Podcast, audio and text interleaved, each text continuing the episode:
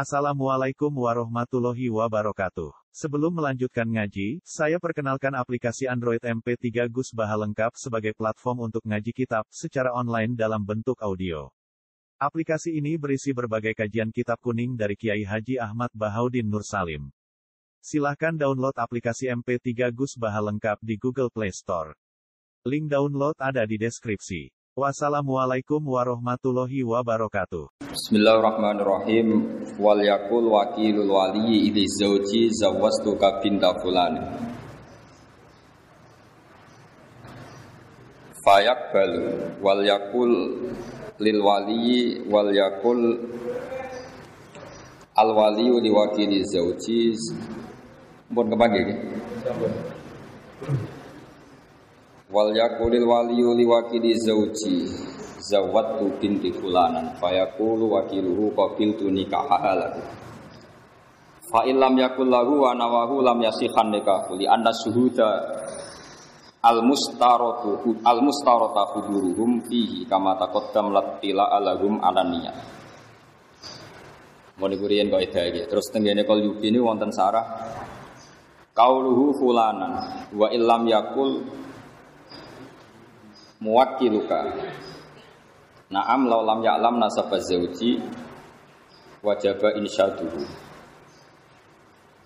Wa tasbutul wakalah bi qauli mudaiha haitsu taquda syuhud. Sak terusin ini.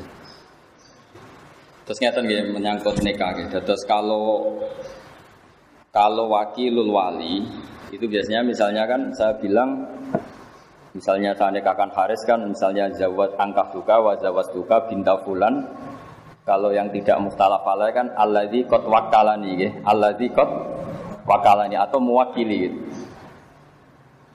Tapi kalau di Indonesia itu hampir pasti itu sah. Makanya ini kan saya ajarkan ke antum ini tadbiki fikih. Tadbiki fikih itu begini ya.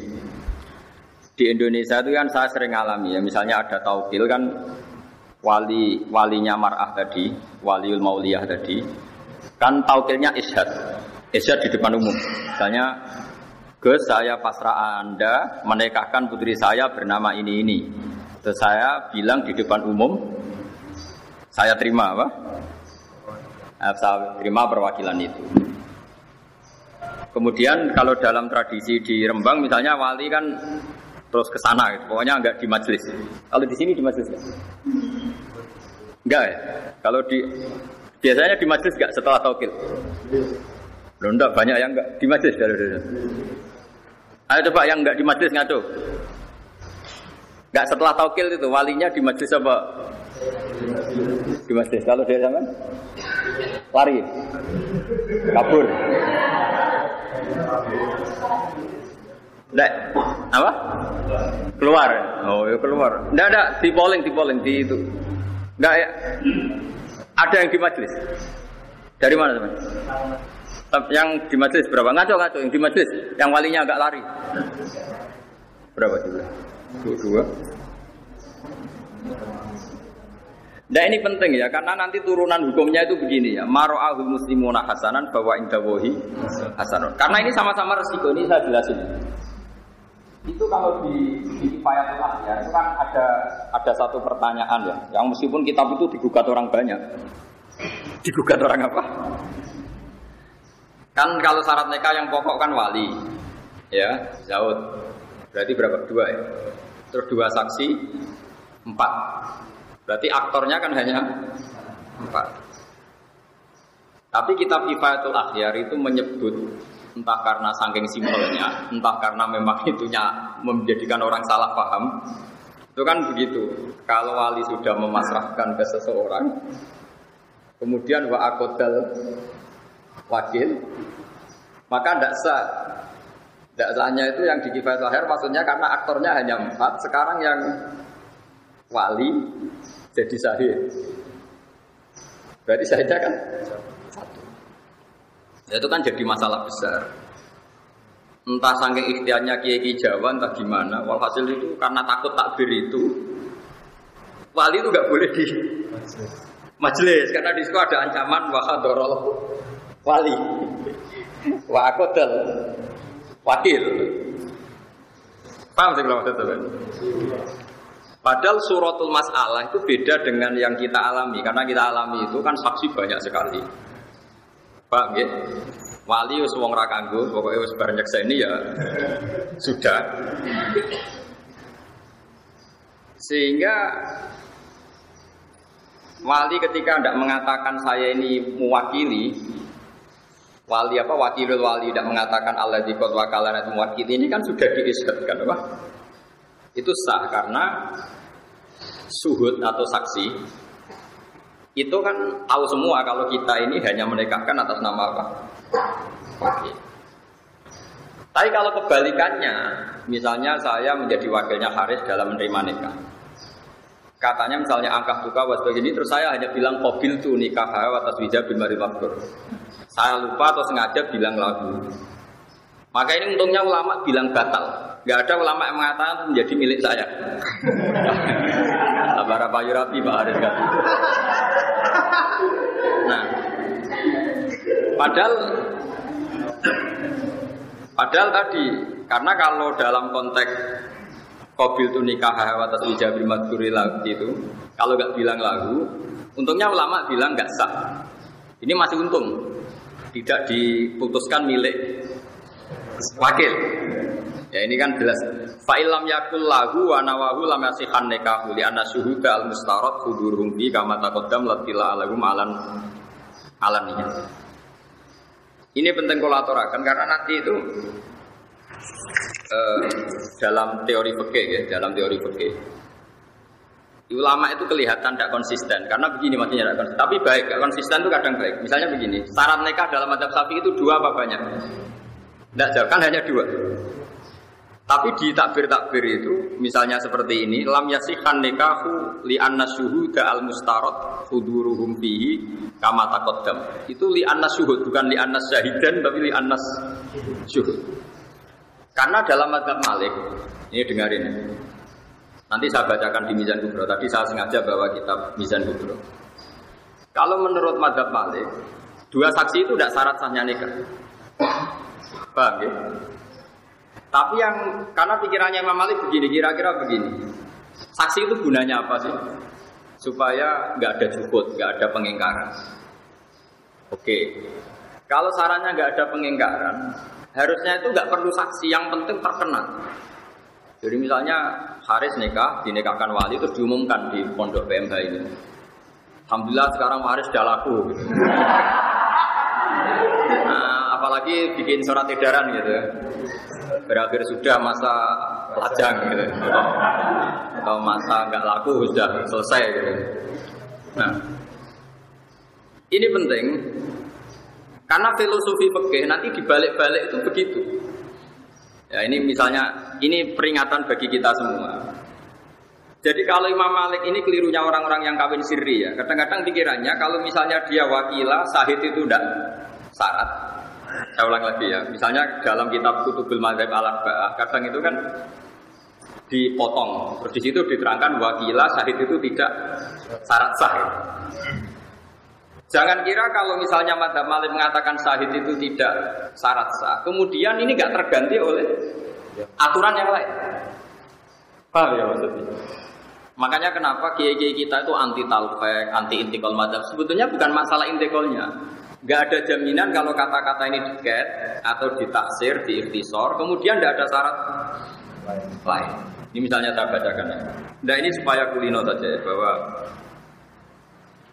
apa di masalah-masalah nikah itu masalah yang yuftatu fil afdo malah yuftatu fil wiriha eling-eling nopo yuftatu fil afdo malah yuftatu nopo fil wiriha jadi yang terkait perempuan itu untuk sahnya itu lebih ikhtiar ketimbang urusan yang di lain masalah perempuan ini kalau bocor ya.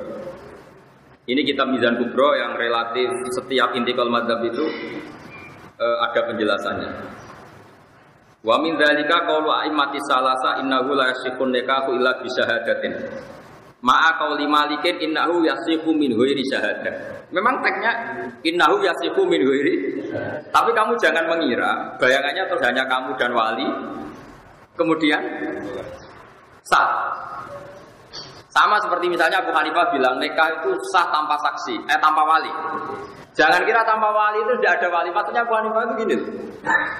tetap dengan wali, tapi yang penting dia memberi izin, tapi tidak harus dia yang menikahkan, nggak apa-apa perumahannya menikahkan sama orang lain, pasrah orang lain. Sementing walinya memberi izin. Orang kok tanpa wali, tanpa pamit itu enggak. Paham ya? Nah ini kalau bocor. Jadi itu memang resiko orang-orang wong jen kuwaco. Kalau bocor. Ma'a qauli malikin innahu yasihu min ghairi syahadatin.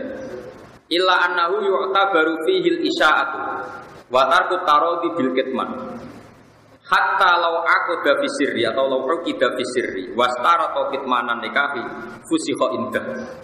Jadi kata Imam Malik, nikah itu nggak usah saksi, tapi cukup isya. Makanya nikah kayak di Indonesia itu mesti sahnya. Karena misalnya syaratnya dua saksi itu adil, misalnya syaratnya dua saksi itu adil. Ternyata dua saksi itu tidak adil. Nggak masalah kalau di Indonesia, karena kan orang yang menyaksikan kan banyak. Jadi itu isya apa? Apalagi sebelumnya sudah ada undangan nikah macam-macam. Kalau Pak Haris sudah laku, gitu. seminggu sebelumnya kan tahu semua di WA karena dia kaul ya. Semua orang dikasih tahu kalau sudah laku. Itu itu nggak harus adil. Karena kata Imam Malik kata beliau yuk baru fihil isya apa? Isya itu terkenal dari kata sya'a no? sya'a itu mana apa? Terkenal kayak ayat innal ladzina yuhibbuna al fahisha. Fahisha menjadi terkenal juga boleh. Nah terus sekarang kan dua saksi itu fasik. Kata Imam Malik boleh, kata Abu Hanifah boleh, kata Imam Syafi'i enggak. Dua saksi itu harus adil. Wa amal fasikoni fa innahu yahsulu bima al isya'atu bin nikah. Wa dzalika kafin fil khurus an suratin nik an suratin nikah. Jadi misalnya ada saksi itu fasek-fasek, enggak apa-apa, malah fasek itu cangkeman, enggak wong diceritani. ini kita, jadi butuhnya itu kan perempuan ini jelas miliknya ini. Kalau miliknya ini nggak ada saksinya kan misalnya ada mbak-mbak cantik kan suatu pondok punya harapan semua. Nah itu kalau ada orang nikah secara sirri kan ternyata harus dinikah orang kan kecewa. Nanti kalau ujuk hamil juga orang curiga. Tapi kalau isyaah kawinnya terbuka, sing berharap ya wes putus asa, paham ya? Nanti misalnya hamil ya jelas asal usulnya karena sudah nikah. Makanya kata Imam Malik, saksi loro itu, saksi dua itu filosofinya bukan saksinya, tapi isyaahnya, no? Paham ya? Paham ya? Terus ini penting kalau Jadi ini filosofi-filosofi neka Ya filosofi-filosofi neka misalnya menyangkut dua saksi macam-macam. Itu kadang dua saksi. Ketika misalnya Anda baca kitab apa Madzhabul Arba, wakila misalnya atau wakola Malik ya nikah bila syahid atau bila suhud. Ini jangan menjebak Anda, lalu Anda berspekulasi nikah tanpa saksi. Karena sebenarnya Imam Malik mengatakan tanpa saksi itu ora perlu nunjuk saksi dua, terus yang tanda tangan dua seperti dalam tradisi kita enggak. Maksudnya enggak terus tanpa itu enggak, yang penting kisah apa? Tadi misalnya di majlis ini hari saya nikahkan, enggak apa-apa misalnya enggak ada saksi, ya apa-apa kan mus ini ya saksi gitu. Jadi cara Imam Malik saksi itu bisa diganti apa? Isya. Makanya kenapa kiai-kiai itu mati-matian melarang santri sinau fikul madaibil arba. Karena mesti rawi pengarangnya ini main potong saja. Main apa? Ketika Imam Abu Hanifah mengatakan bila waliin, itu maksudnya bila wali yang mengijabkan. Bukan berarti tidak mensyaratkan izinnya wajib. Paham? Jadi ini masalah-masalah yang apa? Anak-anak Mahat Ali itu harus tahu. Jadi itu Ya jadi apa masalah-masalah seperti ini kita harus harus tahqiq ya. Terus sekarang ini yang khas-khasnya orang alim ya. Kamu juga harus tahu. Misalnya ada suratul masalah. Ini dengerin ya. Wali menikahi mauliahnya. Ya. Wali harus menikahi yang dinikahkan. Mungkin kalau pakai pakai anak-anak yang masih ngaji pakai belum panjang kan kayak mokal. Karena berarti wali itu kan bayangannya orang kan bapak. Masa bapak menikahi putrinya? Kan tidak mungkin. Tapi sampean kan Isma Ali ada saja wali yang nanti itu menjadi suaminya yang di waleni yaitu tadi misalnya bapaknya mati kan ditimbah. Rata-rata mbah mati tanda. Mati kan? Itu kalau bapak mati, mbah mati kan diganti akun sakit. Masih haram lagi kan? Tapi nanti kalau akun sakit ini mati diganti apa? Ibnul A. Berarti Ibnul A sama yang diwale ini kan misanan. Paham ya? Berarti mungkin saja ada suratul masalah di mana wali ini calon zawat. Paham ya? Ya coba yang wali bapak bapak. Oke, nah bapak kan jelas gak mungkin nikah sama putrinya. Mbak, tidak mungkin. Sekarang coba bapak kalau mati diganti siapa? Mbak, tapi nggak boleh kamu bahasakan mbak kriminal, harus dibahasakan abul ab apa? Karena kalau kamu bahasakan mbak, bisa mbak dari ibu. Ini tidak wali, harus detail ya. Bapak dan jatuh di teko ini jat maknanya abul ab. Karena kalau kamu bilang mbak tok, nanti resikonya oh nang mbak ibu bolong bolong. Karena kalau mau Jawa mbak itu bisa. Makanya sekarang saya tanya, kalau bapak mati, mbah mati, walinya siapa? Akun sakit. Kalau akun sakit gak ada, Ibnul A. Sekarang Ibnul A sama yang dinikahkan, misanan kan? Misanan itu sah nikah enggak? Salah. Padahal kalau nanti wali-wali akrab itu mati semua atau hilang, walinya kan misanannya itu. Jebule ingin ingin sendiri. Paham? Ini Mahatali, jadi gue, keren-kerenan Mahatali tau bakas Tapi kadang dia ini raro. Semikir boleh bujur doa di ramtolah nih. Nah itu itu pun ya makanya itu pun didiskusikan oleh para ulama atau sebaliknya seorang perempuan yang nggak punya wali walinya kodi atau hakim ternyata yang ingin nikah hakim itu juga ini saya bacakan misalnya. Wa min dzalika qaulu Abi Hanifah wa Malik. Inna waliyal mar'ati binasabin awwala in aw hukmin. Karena bisa jadi wali itu kan kadang unsur genetik, nasab atau wala. Kalau sekarang nggak ada ya, karena nggak ada budak. Atau unsur dia punya wilayah, punya syaukah. Yaitu kalau yang terkenal disebut kodi atau siapa?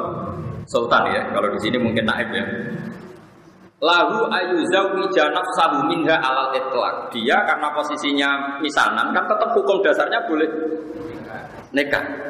Problemnya kalau dia nikah kan ya dia juga yang menikahkan karena dia wali. Nah, wah senang peking. Dan kita mahat ali ini gaya nana kan. Jadi Imam Mahat Ali mau ijazah terus goblok malah sini-sini. Ya, Ma'a qauli Ahmad innahu la yuzawiju nafsahu minha illa bi tariqi tawqilihi ghairu. Wa dzalika li alla yakuna mujiban qabila. Solusinya apa? Cara Imam Ahmad solusinya eba-ebane wali tadi taukid. Pantes-pantese kok ana sing nekakno dekne qabil. Si wali tadi, misanan tadi, kalau menikahkan kan dia wali. Tapi dia juga yang bilang qabil itu. Kan kayak gendeng misalnya di majelis kamu perempuan, saya nikahkan kamu dengan saya. Karena memang dia statusnya double, ya wali, ya zaud ya dia ya. Ya tadi dalam suratul masalah, sing wali itu orang yang boleh menikahi. Ya. Kalau bapak kan jelas nggak boleh menikahi putrinya, mbak nggak mungkin. Paman nggak mungkin. Tapi kan ada kemungkinan setelah ini tak semua kan misalnya Ya sesuai urutan yang di kitabul asobat ya. Pokoknya walhasilnya ada suratul masalah, sing wali itu sah nikah dengan yang diwalen ya, Pak. Solusinya gimana? Dia itu pastinya harus mengakatkan. Tapi dia juga kobil penerima nikah. Solusinya kata Imam Ahmad, pantas-pantas saja. Jadi yang bilang gini, misalnya saya bilang, "Res, gua aku akad no." Dan yang punya otoritas tauhid memang saya, karena saya ini wali. Tapi nanti saya calon kobil, calon penerima. penerima. Makanya ini solusinya kata Imam Ahmad, Innahu la yuzawwiju nafsahu minha illa bi tariqi tawqilihi ghayruhu fi dzalik li alla yakuna mujiban qabilan. Tapi kata Imam Syafi'i, wa ma'a qauli Syafi'i innahu la yajuzu lahu qabul bi nafsi. Wala yuwakilu ghayruhu bal yuzawwijul hakim walau khalifatan raibah. Dari Imam Syafi'i, Ya dia jadi kobil lah ya lucu, wong wali kok jadi bojo. Pokoknya pantas-pantas itu dilihat kabeh dilihat no tepe kok jadi ini wali di ano kok dia ini kobulin kobulun nikah di pasar ano jadi ibu penonton terus untuk bujuk berarti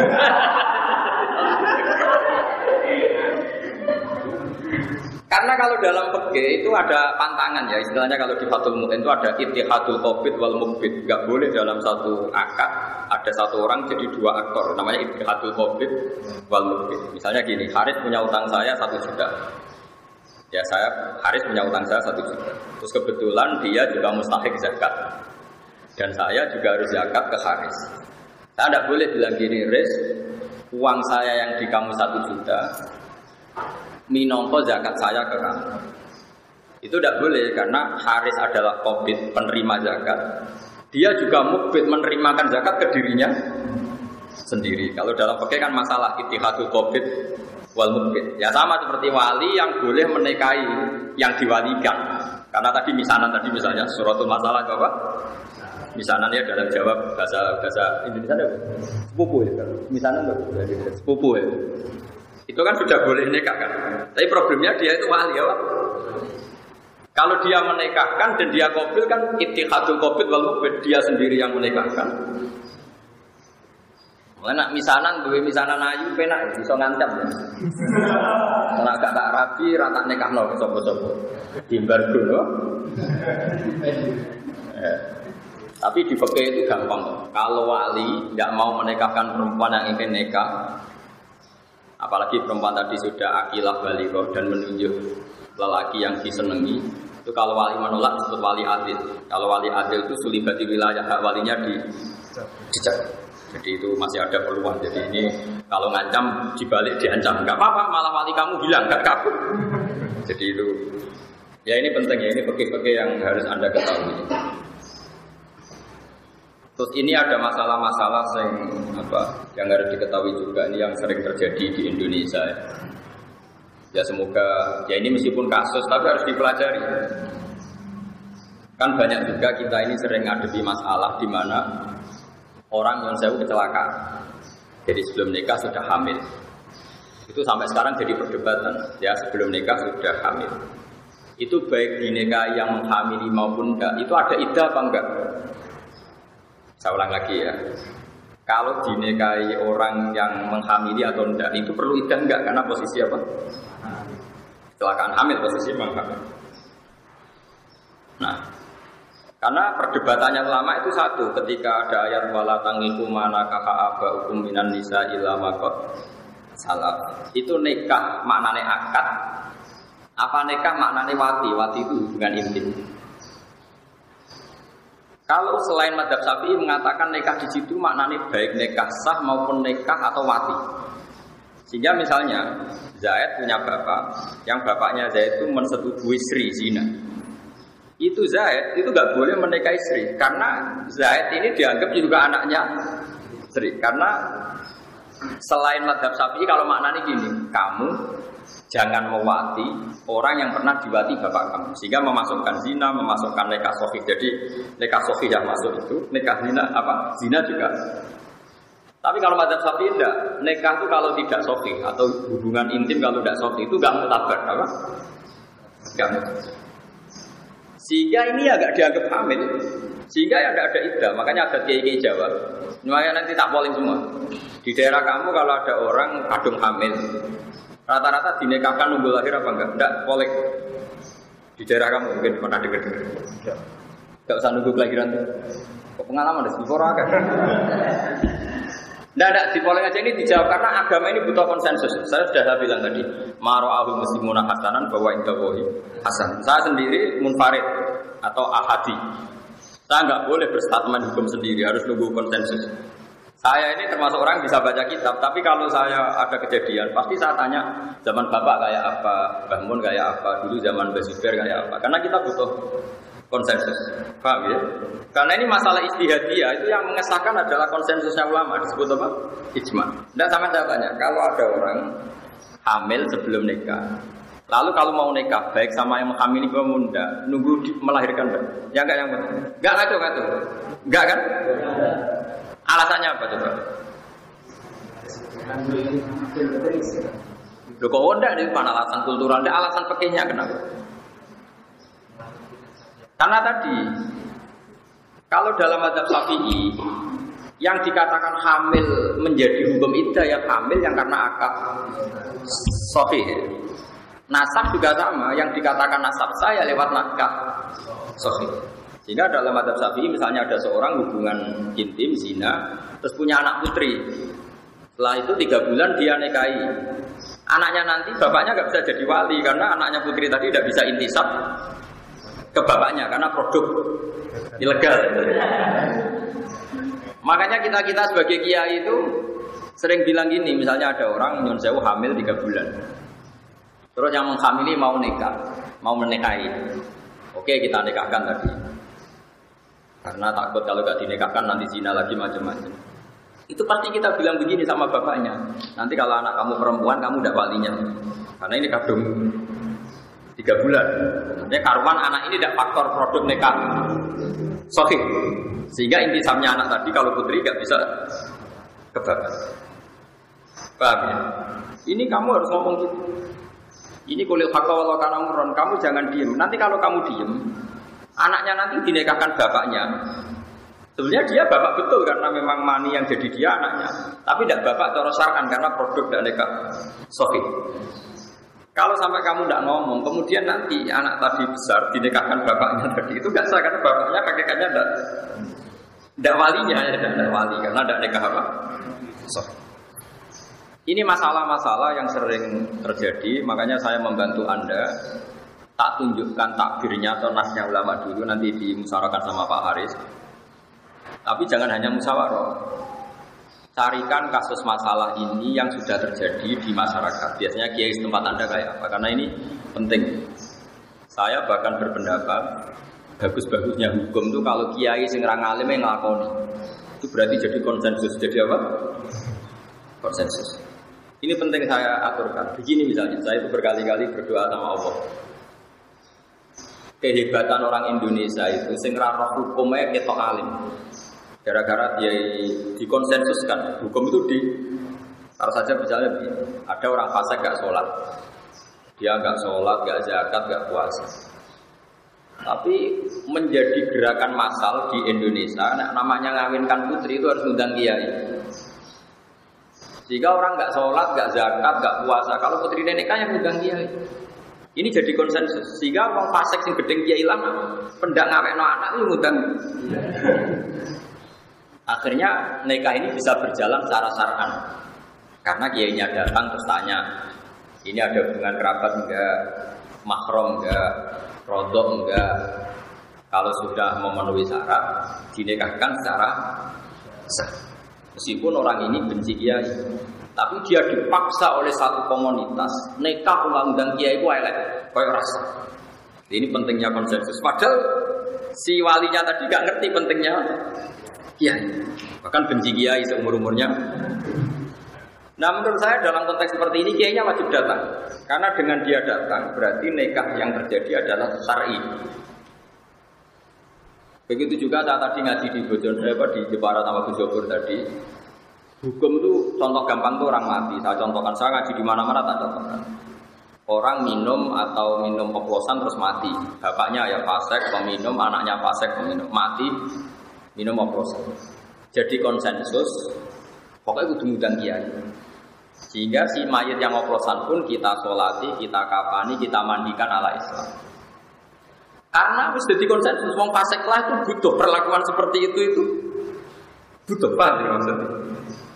Ini penting harus kita pertahankan. Jangan sampai nanti orang fasik punya model sendiri dalam menyelesaikan jenazah. Karena karena orang soleh tidak mau datang, terus orang orang fasik punya tandingan kayak merumat jenazah. Saya kalau mati ya terus ini arah, terus pinggirnya orang ceki. Makanya menurut saya orang fasik pun kalau mati kamu harus tahlilan. Terus gerem-gerem tadi. Bagaimanapun ini menetapkan tradisi. Kalau sampai kita tidak mau tahlilan hanya karena dia mati bunuh diri atau mati apa tadi itu oplosan. Nanti kalau nggak ada tahlilan mereka bikin tandingan tradisi yaitu Kiai Rasul Tahlili yang cekit anggur remi. Nanti kamu yang salahkan Allah karena tradisi yang sudah benar. Yang orang fasik pun melakukan, kamu tidak mau hanya karena risi mayatnya itu fasik. Makanya saya lagi-lagi butuh konsensus. Kita ini sebisa mungkin hukum yang digandaki Allah dan Rasul jadi konsensus. Hatta alal fasik. Sampai orang fasik pun terpaksa dengan tanda kutip terpaksa melakukan hukum. Itu juga yang digendaki Allah ikhtiar tauan au Kalau ada hukum Allah itu harus terjadi. Tauan au Baik kamu suka ataupun enggak suka. Orang fasik itu enggak suka kiai. Tapi di Indonesia itu alhamdulillah kalau nikah maupun mati itu butuh. Tetapi kadang kiai ini rodok khawarit, mutung. Wah, urip itu gedeng kiai, nono adzan nyetel dangdut kok nyolati sorry. Ini rodok geblek ya seperti itu, tidak boleh. Kita nyolati itu bukan demi mayitnya, demi kelangsungan tradisi Islam merumat jenazah. Paham ya? Karena kalau kita tidak nyolati, kemudian mereka punya tradisi sendiri, kita malah repot. Paham sih kalau maksudnya? Terus kedua, kalau mayat ini mati karena oplosan, terus kamu membaca sholawat dalam tahlil membaca la ilaha illallah. Saya sering ditanya Ki, tetap yang untung kamu. Kan hadisnya man sholla alaiya wahidatan shollallahu alaihi asal. Siapa yang baca sholawat saya satu diberi sholawat Allah sepuluh. Sekarang yang dapat pahala itu yang baca sholawat apa mayatnya? Yang baca kan. Masa kamu ngamal soleh budi? Mangkola ilaha illallah dari dapat. Yang baca la kamu apa mayat? Kamu kan ngapain kamu rugi? Masa ibadah ngerosok rugi? Semuanya itu fase kelas dan urus-urusan ini ini begini. Sebenar kok itu tadi, wa yamut wala jantuk min dzambihi fa amruhu mufawadun dirbi semati untuk tobat urusane pangeran. Sementing kita menjaga tradisi. Jangan sampai orang fasik ini punya tradisi baru hanya karena kita tidak mau melangsungkan tradisi yang sudah jadi konsen konsensus. Itu tadi misalnya orang fasik, orang mati oplosan pun kan kalau mati ngundang dia. Orang fasik pun yang gedeng kiai kalau nikahkan putrinya kan ngundang. Itu saya mohon sekali kalau nggak ada unsur kamu harus atau perwakilan. Yang penting tradisi ini kita apa? Bukan karena faseknya tadi, tapi kan nanti ilahi kalimat ilah tadi, aturan-aturan Allah yang kita karena sekali dalam kebiasaan jenazah wong wong alim nggak mau datang, mereka kan orang-orang fasik, pasti punya tradisi tandingan. Paham ya? Mesti pondem sambil ngeringkut cemplung no. Eh, nah mati, wes wes wes. Repot. Makanya saya tadi selalu tanya ke jenengan. Masyarakat kamu di mana saja adat yang sudah baik harus kamu pertahankan. Tadi maro abu muslimuna hasanan bahwa itu bohi apa? Nah, ini saya baca ya kasus tadi ya orang yang apa kecelakaan. Misalnya begini. Ini kita bisa dulu Di kitab saya halaman 113 juz 2. Ya. Misalnya begini. Wa amma makhtalafu fi fa min dzalika qala mati salasa innahu yajuzu nikahu zaniyah. Mau qali Ahmad innahu yahkumu nikahu qabla taubat. Misalnya begini. Wa min dzalika qaulu Malikin wa Syafi'i inna man zana bimra'atin lam yahrum ali nikahuha wa la nikahu ummiha wa bintiha. Ma qauli Abi Hanifah wa Ahmad ya ta'allaqu tahrimul musaharati bizina. Jadi itu tadi. Kalau menurut Abu Hanifah, zina pun itu menjadi musoharo. Jadi kira oleh demeni wong sing didemeni bapakmu. Paham? Karena itu berarti ibumu. Lho kok gue? Kandane. Jadi mutoharo itu kata Hanifah itu bisa hasil dengan zin. Tapi kalau sapi enggak. Sama sekali. Nah ini penting kalau aturakan karena kita tentu tidak menghendaki itu terjadi. Tapi masalahnya kadung terjadi. Kamu harus punya solusi hukumnya. Karena hukum fikih itu ekstrim. Ini yang Pak Haris harus tahu. Hukum fikih itu ngeri itu. Sekali bandingannya enggak itu buruk. Misalnya gini saya contohkan. Zaid itu kafir, dengar ini. Zaid itu kafir. Kafir betul. Kafir tengah, kafir tenang. Enggak ini dengarin, awas sekali salah ini murtad masalahnya. Ancamannya itu murtad. Zaid ini kafir kafir tengah. Terus datang ke Pak Haris. Pak Haris, saya ini mau masuk Islam. Coba saya ditalkin sahadat, saya diajari sahadat. Terus kata Pak Haris gini, karena ada neung Jeporo yang kayak itu terus, dia mau kau benar ini kalau dia meletek. Itu Pak Haris itu murtad dalam dalam buku putih. Karena Zaid yang murtad tengah ini murtad betul, kafir tengah ini. Ada ada kekafiran sekian menit ke depan yaitu 10 menit yang gara-gara Pak Haris. Karena dia bisa menghilangkan kekafirannya Zaid saat itu. Fauran. Tapi gara-gara dia nyuguhin teh, gawe teh 10 menit. Sekarang kafir yang 10 menit terakhir gara-gara siapa? Gara-gara Pak Haris. Jika dalam fikih termasuk murtad adalah kakau lirojulin pada seorang guru lakini al Islam, semua kola ikhtasil. Contohnya di baju hanya gitu. Ada orang bilang, Pak Yai saya ajarin Islam. Kamu bilang, kamu mandi dulu. Itu saja masalah.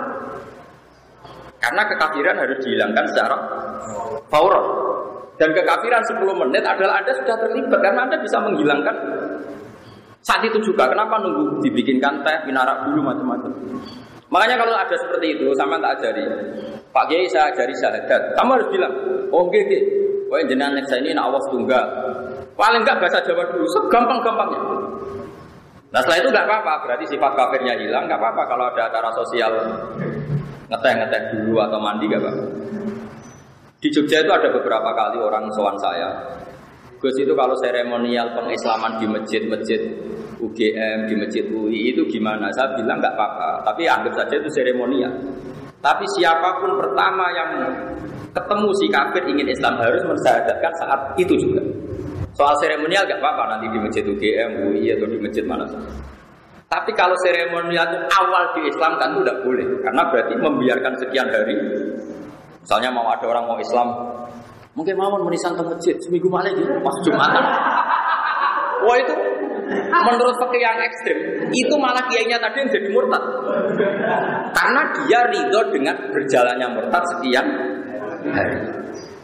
Nah contoh gampangnya gini, ini pakai ekstrim ya, makanya pakai itu juga punya cara ekstrimnya. Begini misalnya dibalik. Senin mau Islam, terus sama Haris dijanjini nanti aja nak Jumat karena saksinya banyak. Terus Selasa mati juga. Terus dia masuk neraka. Gusti, kuen rokok ke kafir. Jadi sinten keluar kafir Senin badhe sampai Pak Haris kan ngenteni Jumat. Oh, ada kan masalah.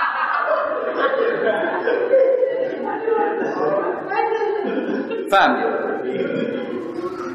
Loh, saya pernah ngalamin tuh. Saya tuh mau jamaah asar. Ini kisah nyata ya. Saya mau jamaah asar. Ada orang soal saya, Gus anak gue nikahkan karena kerja di Malaysia. Saya takut macam-macam. Gus ini mumpung di rumah. Oke. Saat ini ini kalau sholat asar, kalau pas mau komat, ya kalau sholat kan sering mau, mungkin gak dasar kalau mereka. Boter tuh dia seminggu seminggu malah, wong dereng persiapan macam-macam. Oh, kurang kalau seminggu malah. Nah saat ini kalau nikah anak boter boter. Mungkin soal PPN macam-macam telepon kalau kan jare pak anak kiai nak omong kan jadi uang wedi. Jadi kiai nyoro kono wis repot. Karena pikiran saya sederhana. Kalau tidak saya nikahkan saat itu, kemudian nyuwun saya kalau dua sejoli ini punya adat, misalnya punya adat zina, misalnya, jadi ini bukan nuduh misalnya. Zina yang kemarin-kemarin itu tidak tanggung jawab saya, tapi kalau zina malam nanti, Paham?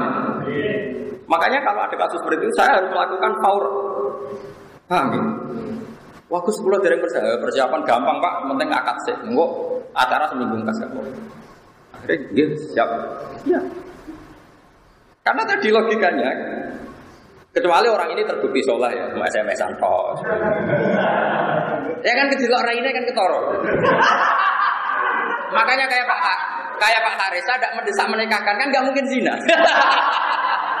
Akhirnya keterusan. Sebetulnya Pak Haris bisa ngancam saya, awas bisa gak boleh nikah, bahaya loh. Oh itu harus saya sekarang. Justru karena sholat itu kita nggak usah kesusu. Jadi fikih itu punya logika yang ekstrim. Nah ini yang anak-anak matali harus tahu, paham ya? Kok jangan nuruti hukum kultural.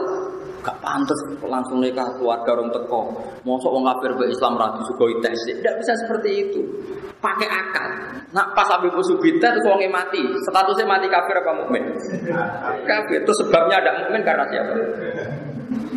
Saya kalau ngaji di Jogja, itu banyak dosen-dosen tertawa-tawa gara-gara tak contohkan gini. Dalam proses ekstrim atau emergensi itu udah ada status ideal yang ada itu harus dilakukan. Itu ibarat gini ya, saya seorang dosen atau kiai pas katoan cekak, nggak pakai baju.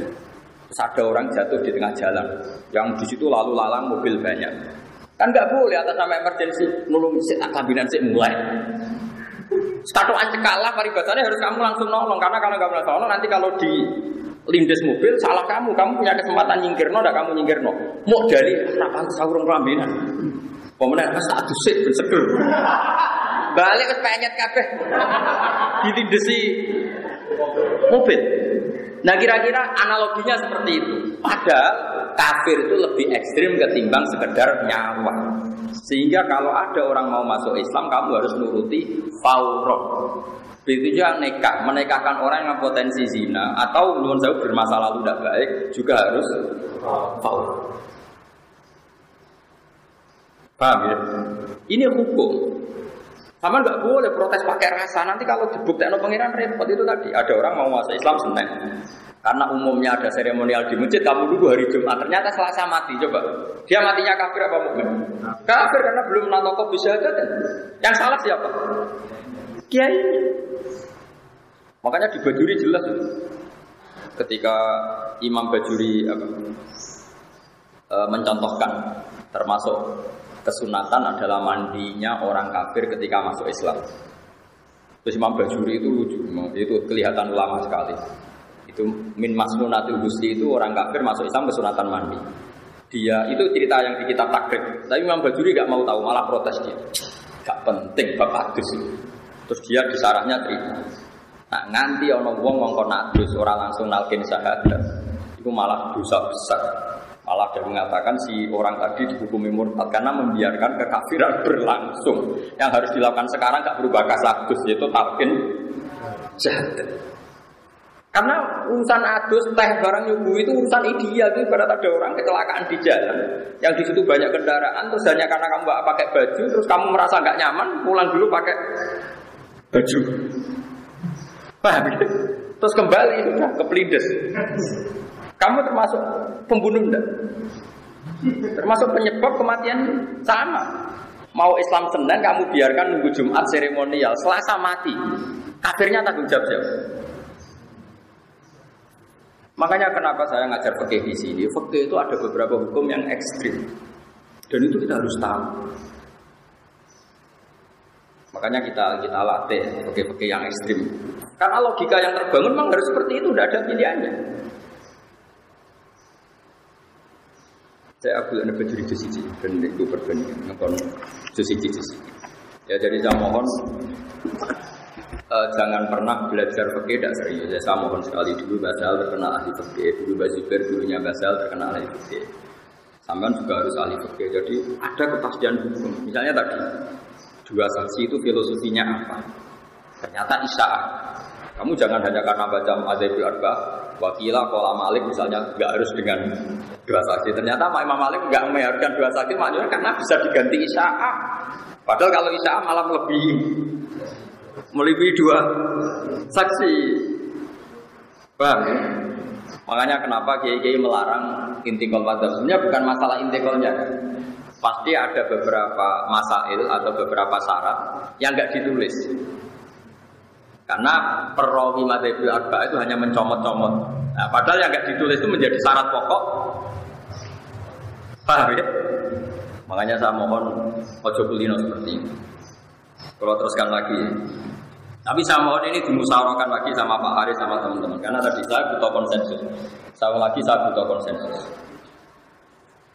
Nah terus kemudian ada orang yang hamil begitu ya, terus kemudian harus dinikahkan itu kata wa ma'a qauli Abi Yusuf ingkanat hamilan haruman nikah hatta tadua wa ingkanat hailan lam yakhdum walam tak tadda nah, ini kilafnya ulama tapi kata kata kitab Mizan Kubro ini wa wajul awali ifta'un Nabi sallallahu alaihi wasallam bihil lidzalik wa qala qad kharaja min sifatin ila nikah bab alif salat al-musnad baru muskil wajib alif salat al-musnad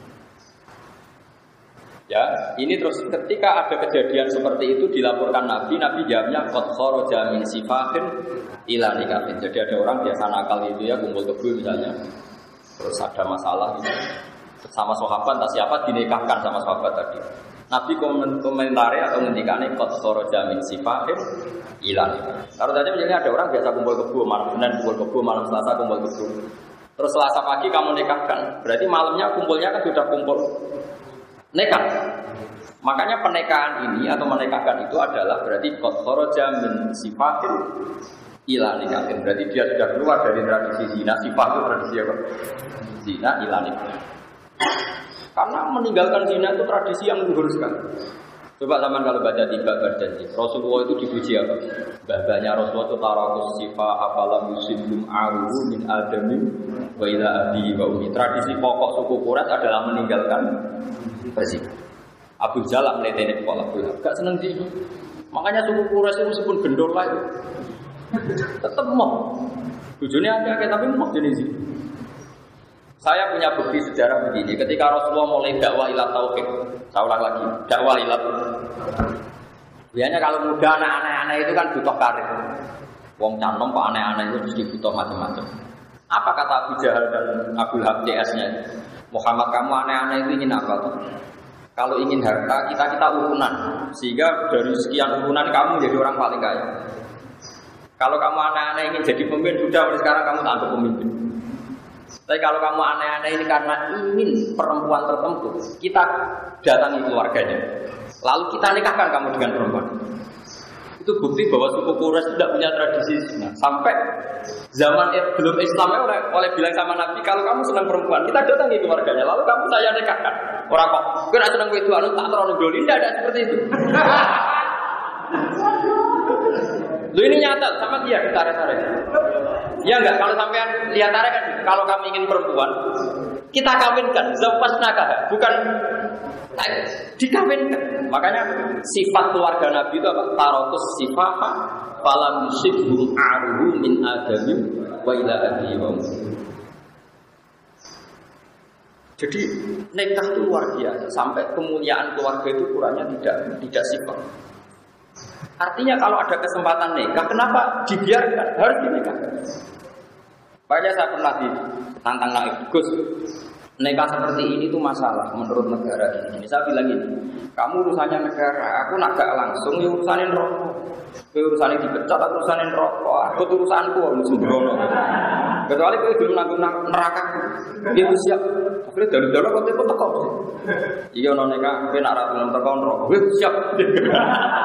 Kau ancaman dipecat, ini rokok. Jadi itu hukum masih tunggu. Termasuk hukum tadi. Ini ya, ini di kitab berjudi. Di kitab punya Pak Haris ini halaman 154. Juz berapa ini? Juz satu. Ini kata ya, kauluhu wa huzulul kafir ida aslam. Ya, wa huzulul kafir ida aslam. Jadi kalau orang kafir mau Islam sebaiknya memang mandi. Ini masih katanya Fatul Qorib. Kitab Fatul Qorib itu kita matan, tentu belum detail ya. Belum apa? Detail. Ya saya ulang lagi ya, kata kita Fatul Qorib termasuk mandi sunat adalah kalau orang kafir mau Islam, dia kesunatan mandi. Dohirnya kan dohirnya ya kan dia mandi dulu baru. Tapi itu dikritik langsung dikritik oleh syarah. Sebenarnya ada dikritik ya memang harusnya itu salah, memang itu masalah. Kalau hanya begitu redaksinya itu masalah. Meskipun Fathul Qorib tentu niatnya ada begitu, mungkin niatnya ada seperti itu. Ya kalau ngarang kitab matan itu kan resikonya kan takbir sedikit, tapi orang nggak boleh salah paham kan resiko. Hari seneng bapak kalimatnya sedikit, cara hari cukup, tapi ternyata tidak memahamkan. Akhirnya kan gak ragu. Itu resiko matan, oh resiko kitab nopo. Kalau wajah ini jelas ya. Tapi tentu pendapat tadi itu ekstrim, yang saya saya, saya, saya baca. Wa ghuslul kafir ida aslama. Wa law qala wa ghuslu man aslama lakana aula li annal ghusla yadkhulu waqtuhu bil Islam. Sekarang mulai kesunatan mandi itu setelah Islam pas belum Islam. Setelah Islam, makanya Sarah kecewa sama matan. Harusnya jangan begitu. Ya kan Mahat Ali dari sawangan iso nyarai kan. Ojo kok maca matane wis keliru kan. Pokoke juga ijazah harus. Pokoke bermaca keliru ora usah kayak S1. Nanti saya yang komen.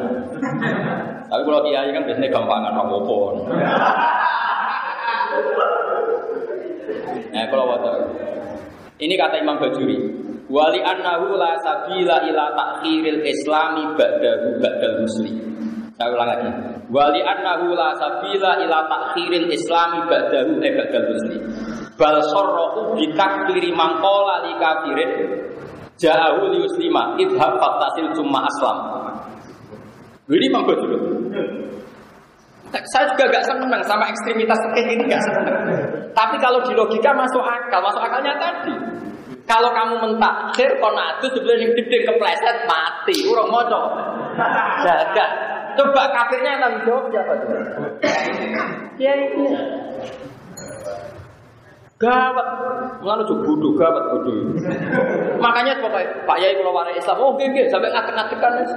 Pokoknya pengiran juga, oke oke. Terus pokoknya semua ngono lah, harus gak ideal lah. Oh nanti mari zakat.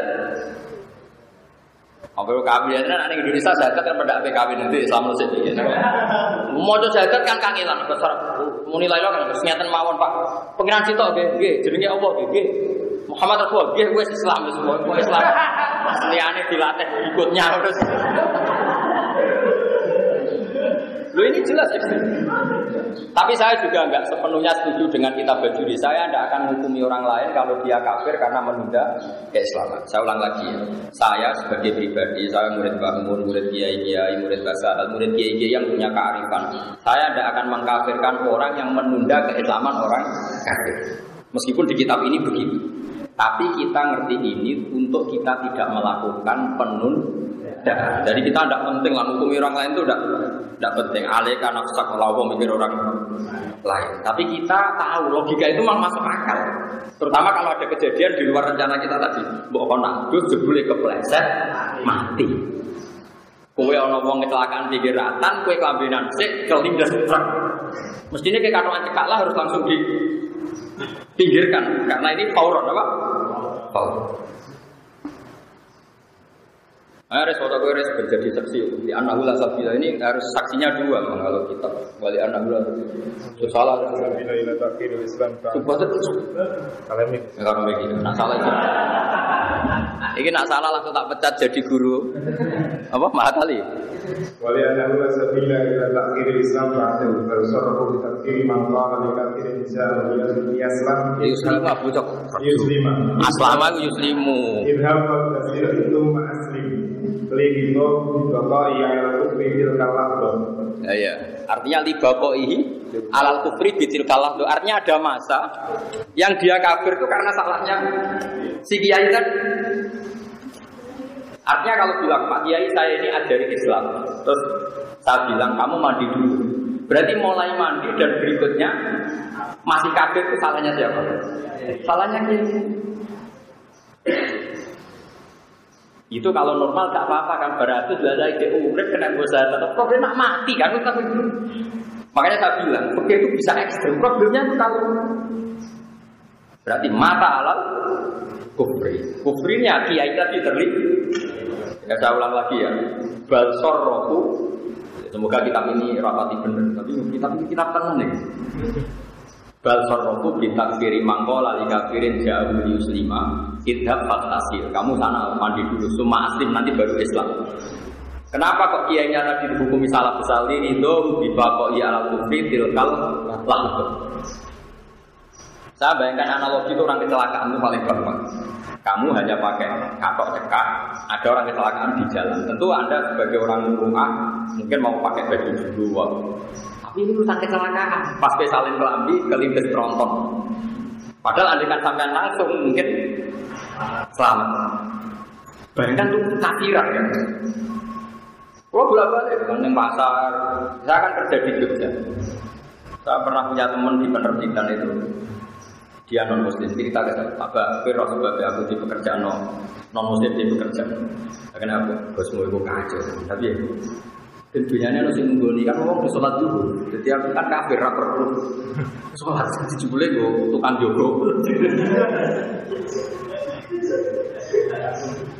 jadi ini jadi misalnya kok di percetakan atau di penerbitan atau di jalan kok orang ngomong ketemu sampai konsultasi Islam. Pak Kiai saya ini ingin Islam. Kapan dia baiknya? Sama harus melatih satu itu juga dengan bahasa paling mudah. Karena kan tidak harus bahasa Arab. Semuanya dengan bahasa paling gak mudah.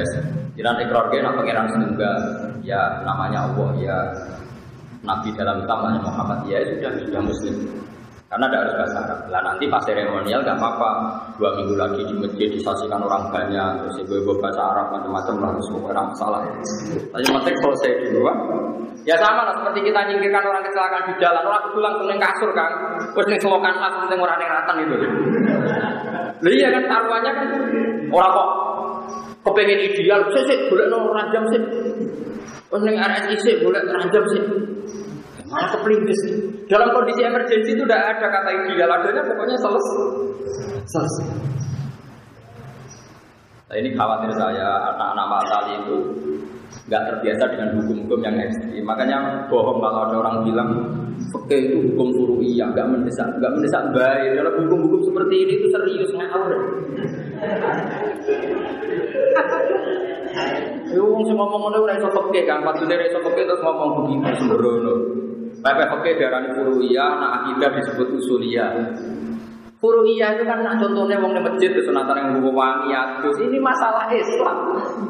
Makanya Imam Ghazali mengkritik kenapa sih kita Fatul Qorib mengatakan kesunatan mandi bagi orang kafir yang mau Islam. Dari mabdi orang tambah kasagus tentang Islam jadi orang tambah kasagus tentang apa?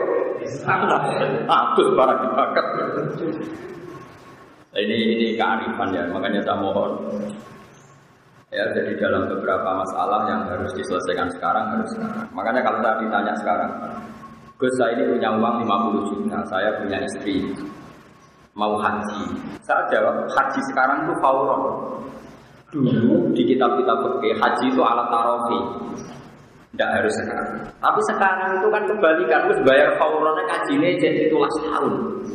Lah saya itu umurnya wis widak, gua akan kaji ke kesusubah keban sumben mati ya yakin. Oh, mesti bayar saya ini ngenteni pitulas. Jadi menurut saya teori alat tarofi itu dulu, kalau sekarang ya harus Paul. Sekarang di Pati berapa tahun? Sudah 17 ya, paling sudah 17. Pokoknya di atas 15 semua. Kira kita pernah itu ban. 19. Itu di Jakarta itu ada yang sekarang kalau tidak haji itu dapatnya tahun 59. Saking banyaknya. Nah, itu kalau umur umur 40 aja habis. Ya. Kalau umur 40, 40 tahun lagi kan dapat. Nah seperti ini, dalam konteks seperti ini kamu harus istihad Gimana hukumnya daftar haji di zaman akhir Menurut saya ya harus fauron Karena daftar fauron saja dapatnya tarofi Apalagi daftarnya tarofi Kan itu di Meskipun itu tentu tidak fatwa resmi ya Karena fatwa resmi tetap haji itu wajibnya alat tarofi Tapi kita akan punya akal Ya adinu aklan waladina iman lakal Makanya ini saya mohon sekali ya harus ini yang dibajuri di halaman 154 juz 1 ya di kitab ini di pokoknya bahwa itu kafir tidak aslam. Tapi Imam Bajuri terus kecewa bahwa satu barang sangat penting, penting di Islam no. Makanya sebenarnya kayak Pak Haris itu dosa besar kok bakal saat nasab. Nah, mau rapi rapi penting wedok sih. Orang ayu nasab repot gitu repot.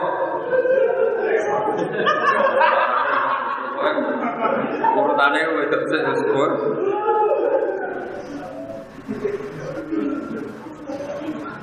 Jadi ini jelas ya, saya pun tidak pernah yakin ya dengan fatwa saya. Coba lah nanti dikonsensuskan apa? Dikonsensuskan. Jadi gue kalau di, di Mizan Kubro itu milik saya halaman 113 juz 2. Jadi jelas ya, ketika ada orang yang biasa nakal nikah, ternyata Nabi itu ikut seneng. Beliau ngendikan kot kharaja min sifakin ila nikahin. Jadi misalnya nyuruh saya ada pasangan kumpul kebo, malam Senin masih kumpul kebo, malam Selasa kumpul kebo. Terus Selasa pagi minta anda nikahkan, kamu harus mau. Dengan demikian malamnya dia berstatus nikah. Paham? Lah soal prosedur negara-negara itu diurusi negara nggak apa-apa kapan-kapan kita daftarkan tapi kalau kiai kiai itu kan tetap koroja mensifakin hilang. Tapi saya kalau di daerah saya biasanya ya BPN harus dipanggil. Panggil BPN nanti didaftarkan. Ini penting saya aturkan ya. Jadi sampai bayangkan pakai itu fisia. Fisia itu bisa dilihat dengan mata. Caranya tadi analogikan dengan tadi yang saya contohkan kecelakaan. Kalau kita menolong orang kecelakaan di tengah jalan, bu kita sudah pakai celana pendek pun langsung kita tolong, bu kita ada pakai baju pun langsung kita, meskipun kita lempar selokan yang penting nggak di jalan raya. Semuanya nggak harus ideal. Oh kok pakai ideal, sih tak boleh porsi, tak boleh bejo sing ngapi. Nah tak idiro ke pas selokan. Ya ada selokan timbang dilides. Pertama, ini penting kalau aturakan. Orang-orang yang tidak ekstrim dalam berpikir peke, itu dikira peke itu masalah kuliah semua. Enggak, peke yang usulia juga banyak kayak tadi. Jal kafir di lima. Ada orang bilang kita fantasi semua aslim. Kasus, kasus apalagi kasus ini bisa hilang akhirat. Kalau ternyata dia mati sebelum baca. Jadi bayangkan yang ekstrim, dia mati sebelum baca. Kayak apa? Salah sih gara-gara juga ikan. Nah caranya sama kali ini jadi alim itu bayangkan hukum itu ekstrim. Memang gitu latihannya memang seperti itu.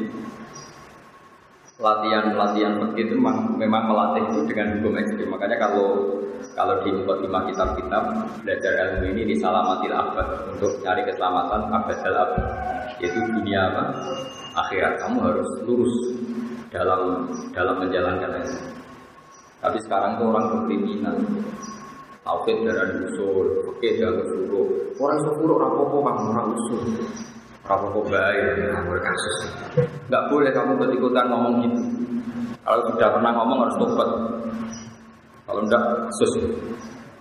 Terus saya teruskan lagi ini masalah yang hilaf-hilaf yang Ini yang terakhir sebelum saya menutup untuk perjumpaan ini menyangkut makrom.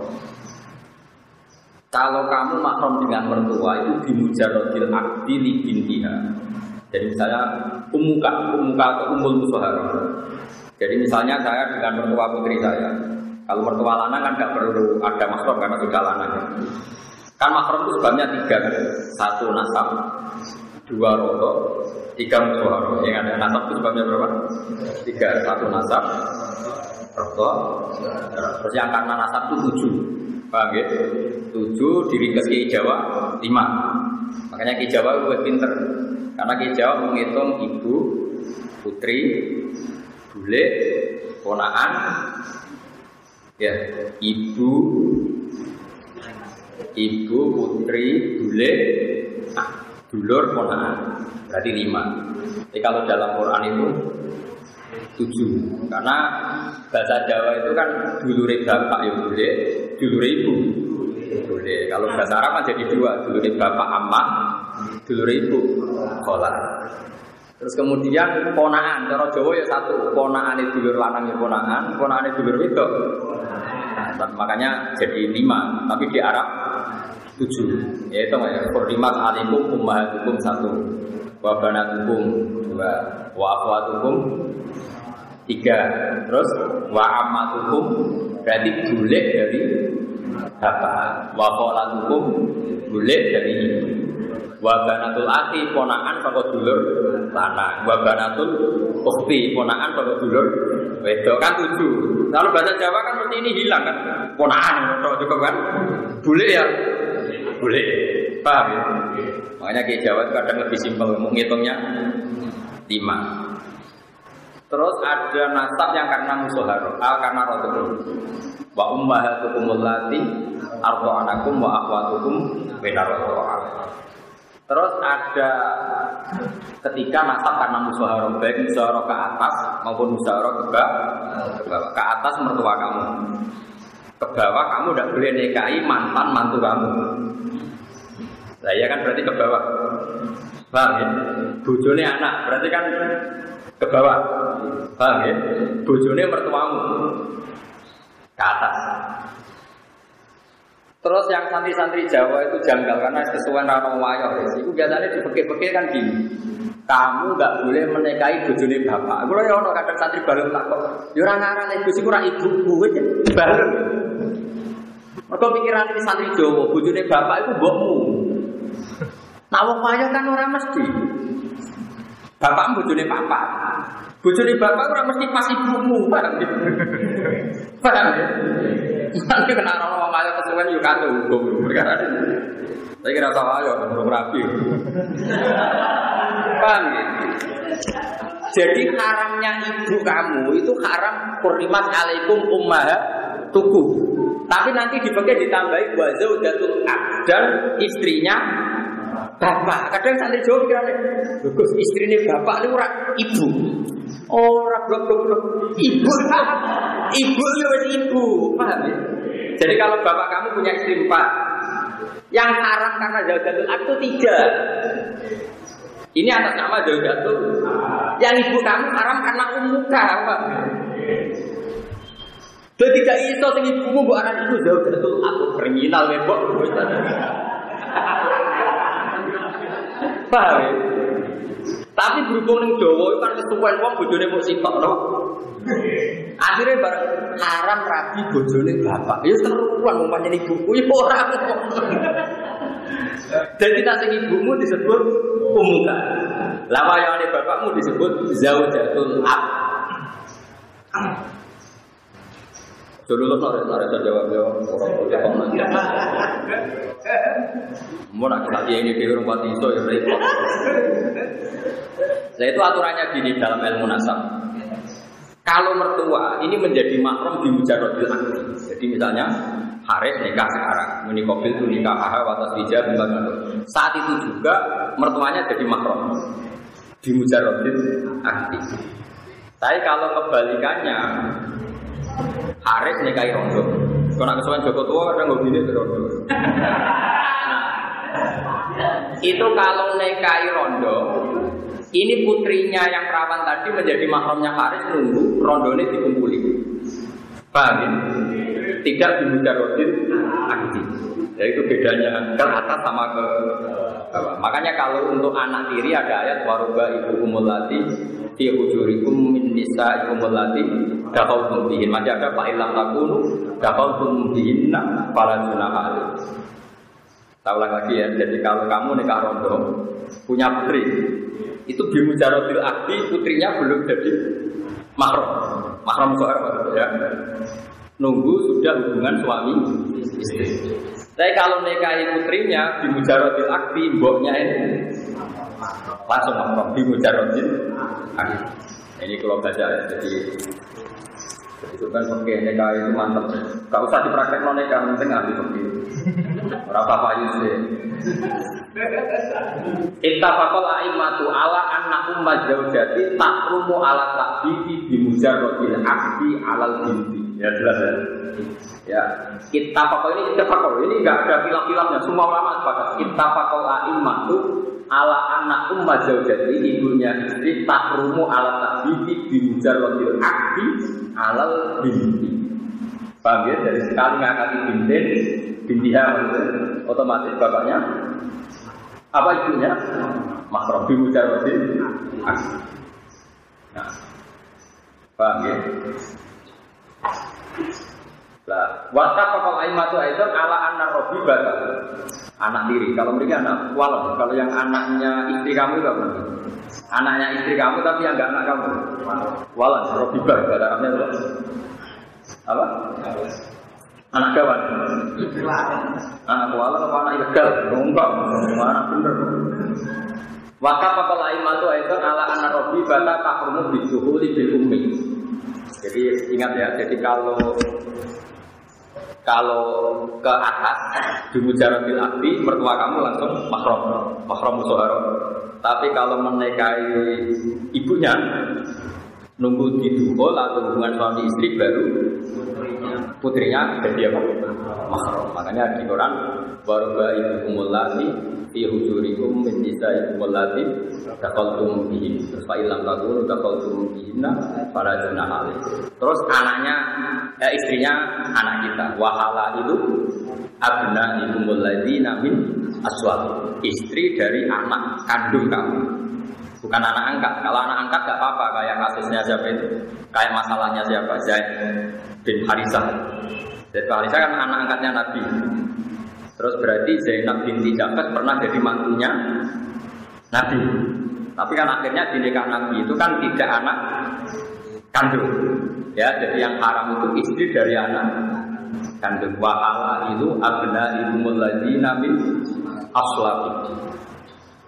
Jadi saya mohon sekali ini ya teman-teman ya Jadi kadang-kadang sama Pak Haris diskusi kitab mizan itu Bab nikah namanya Karena saya punya kepentingan, punya keinginan Nanti di kampung itu macam-macam, sama harus punya solusi. Kadang-kadang kepeksa nih kepeksa wali, kadang nggak aneh-aneh. Terus di Malaysia ini takdirnya marhalaten apa izin. Wong sekarang bisa dihubungi lewat telepon. Terus kalau izin Nanti tahu lewat telepon cukup enggak? Kalau terpaksa cukup, kesaksian dalam telepon caranya gimana? Tapi dengan membaca materi tetap nanti ketemu gambaran meskipun dulu nggak ada takbir tentang telepon, paham ya? Tapi kamu kalau baca terus dan diangen-angen, nanti tetap ketemu jawabannya. Karena ilmu itu gampang. Kalau jadi gawe bangun nangi jajah itu. Bakarim hak cara bakarim. Ilmu itu koyok ya koyok rontok-rontok koyok maling koyok nakal. Bercekel sesuai ngaku. Bakarim dulu itu ngutus bangun. Gus itu mulang. Kalau dereng sakit ngaji kan mulang. Gampang Gus kita bukan cekal-cekal ngaku dewi. kita berarti dicekelin terus. Ayo ngaku ke macam ini. itu guyonannya bakar ala Gus kitabku gampang. Cekal-cekal sesuai ngaku ngaku. Aku macane faslon aku macane yakrumu cekal-cekal. Lotat-lototnya sesuai kan wedi. Mesti ngaku terus kowe maca terus bener mergo wis. Ngaku. Begini misalnya contoh ya saya ini termasuk pengagum kitab Bukhari ya kitab Bukhari. Saya beri contoh betapa mudahnya istidlal. Mudah sekali istidlal kalau bagi yang sering sekarang itu kalau nikah itu pakai lapat nggak? Enggak jawab saja. Pakai kan? Segot itu lapat nggak? Sekarang tolak itu pakai lapat nggak? Pakai kan? Segot, ya. Sekarang orang yang nggak bisa ngomong, akros. Orang nggak bisa ngomong tuh kalau nikah gimana? Mau nggak bisa ngomong. Atau kalau mau mentalak, gimana? Mau nggak bisa Tentu Rasulullah zaman juga ya tidak sempat menghentikan detail-detail nikahnya orang akros kayak apa. Kalau sewot ijab kabulnya diganti apa. Misalnya sama bilang diganti tulisannya kalau bisa nulis ya udah. Tapi Imam Bukhari itu unik. Sama nanti lihat di kitab Tolak. Imam Bukhari itu ngendikan begini. Ini apa loh? Bagus sihati tolakil akros. Bab tentang sahnya menceraikannya orang yang akros. Artinya orang akros bagi suami menceraikan istrinya. Terus dia bilang, beliau bilang hadasana hadasana terus lucunya ketika gini. Kalau Rasulullah Shallallahu Alaihi Wasallam, anak wa kafirul yatim kahadeni fil jannah. Wa asyara ilal musabbihah wa sabab wa asyara ilal musabbihah wa sabab wal wusta. Wes situ. Asyahru tis'un wa isruna wa aqda yadaiha kadza wa hakadza wa hakadza. Eh wa hakadza. Terus terus gitu. Sholat Aisyah itu data yaumin. Terus ditanya sama orang, Pak Asarat nakwas sama. Intinya Imam Bukhari itu cerita. Dulu Rasulullah ketika memberi penjelasan, Ana wa kafirul yatim kahada ini Bejana saya dan para penanggul orang yatim seperti ini nanti di surga. Berarti saking apa? Cedaknya. Paham ya? Terus Nabi pernah ngendikan kemungkinan bulan Komaria itu hakada, wahakada, wahakada. Berarti ada kemungkinan berapa? 29 hari. Intinya begini, Wong Nabi yang bisa ngendikan saja kadang berganti pakai isyarat. Karena isyarat juga mukmimah, juga memberi paham. Berarti kalau isyaratul akhras memberi paham, maka isyarat itu sah untuk tolak maupun untuk nek. Imam Bukhari oleh itu paham ya? Nah ya itu kan tawanannya kan tidak ada kaitannya dengan tolakul akhras itu. Ya sama ngendikan hada, wahakada, wahakada kan tidak ada kaitannya dengan angka 29. Tapi toh orang menjadi Pak. Taruh saja misalnya Pak Haris di sini, Pak Haris tahun baru bagi wangsul. Pak Haris nggak mungkin bilang tidak, tapi mencurang. Wong lebih sepakat mana itu jangan kan? Berarti isyarat cukup apa enggak? Pak Haris Pak pamit itu bilang gini, cukup kan? Bapak itu menolak. Kalau sekarang orang tidak bisa ngomong, yang mengganti kalimat adalah Isa. Paham tidak maksud? Artinya Anda jangan berharap semua masa ilmiah itu ada takbir yang sorry, yang eksplisit. Bila yang miliki akan bisa orang telepon, orang WA Ya tentu takbir WA nggak ada. Tapi kalau nanti ada menguasai materinya, pasti nanti kamu bisa. Asal menguasai betul. Kayak tadi Imam Bukhari mengatakan bagus hati tolakil akhrof. Terus yang diceritakan anak wa kafirul yatim ini bejan. Terus asyharu bagada bagada bagada. Wa akoda napa tis'an wa isrin. Artinya Imam Bukhari ingin bilang, Wong Nabi sing iso ngendikan saja kadang iktifak ngalap cukup di isyarat yang muf dengan isyarat yang memang Nah sekarang akras apalagi tidak bisa ngomong penggantinya sifat adalah isyarat.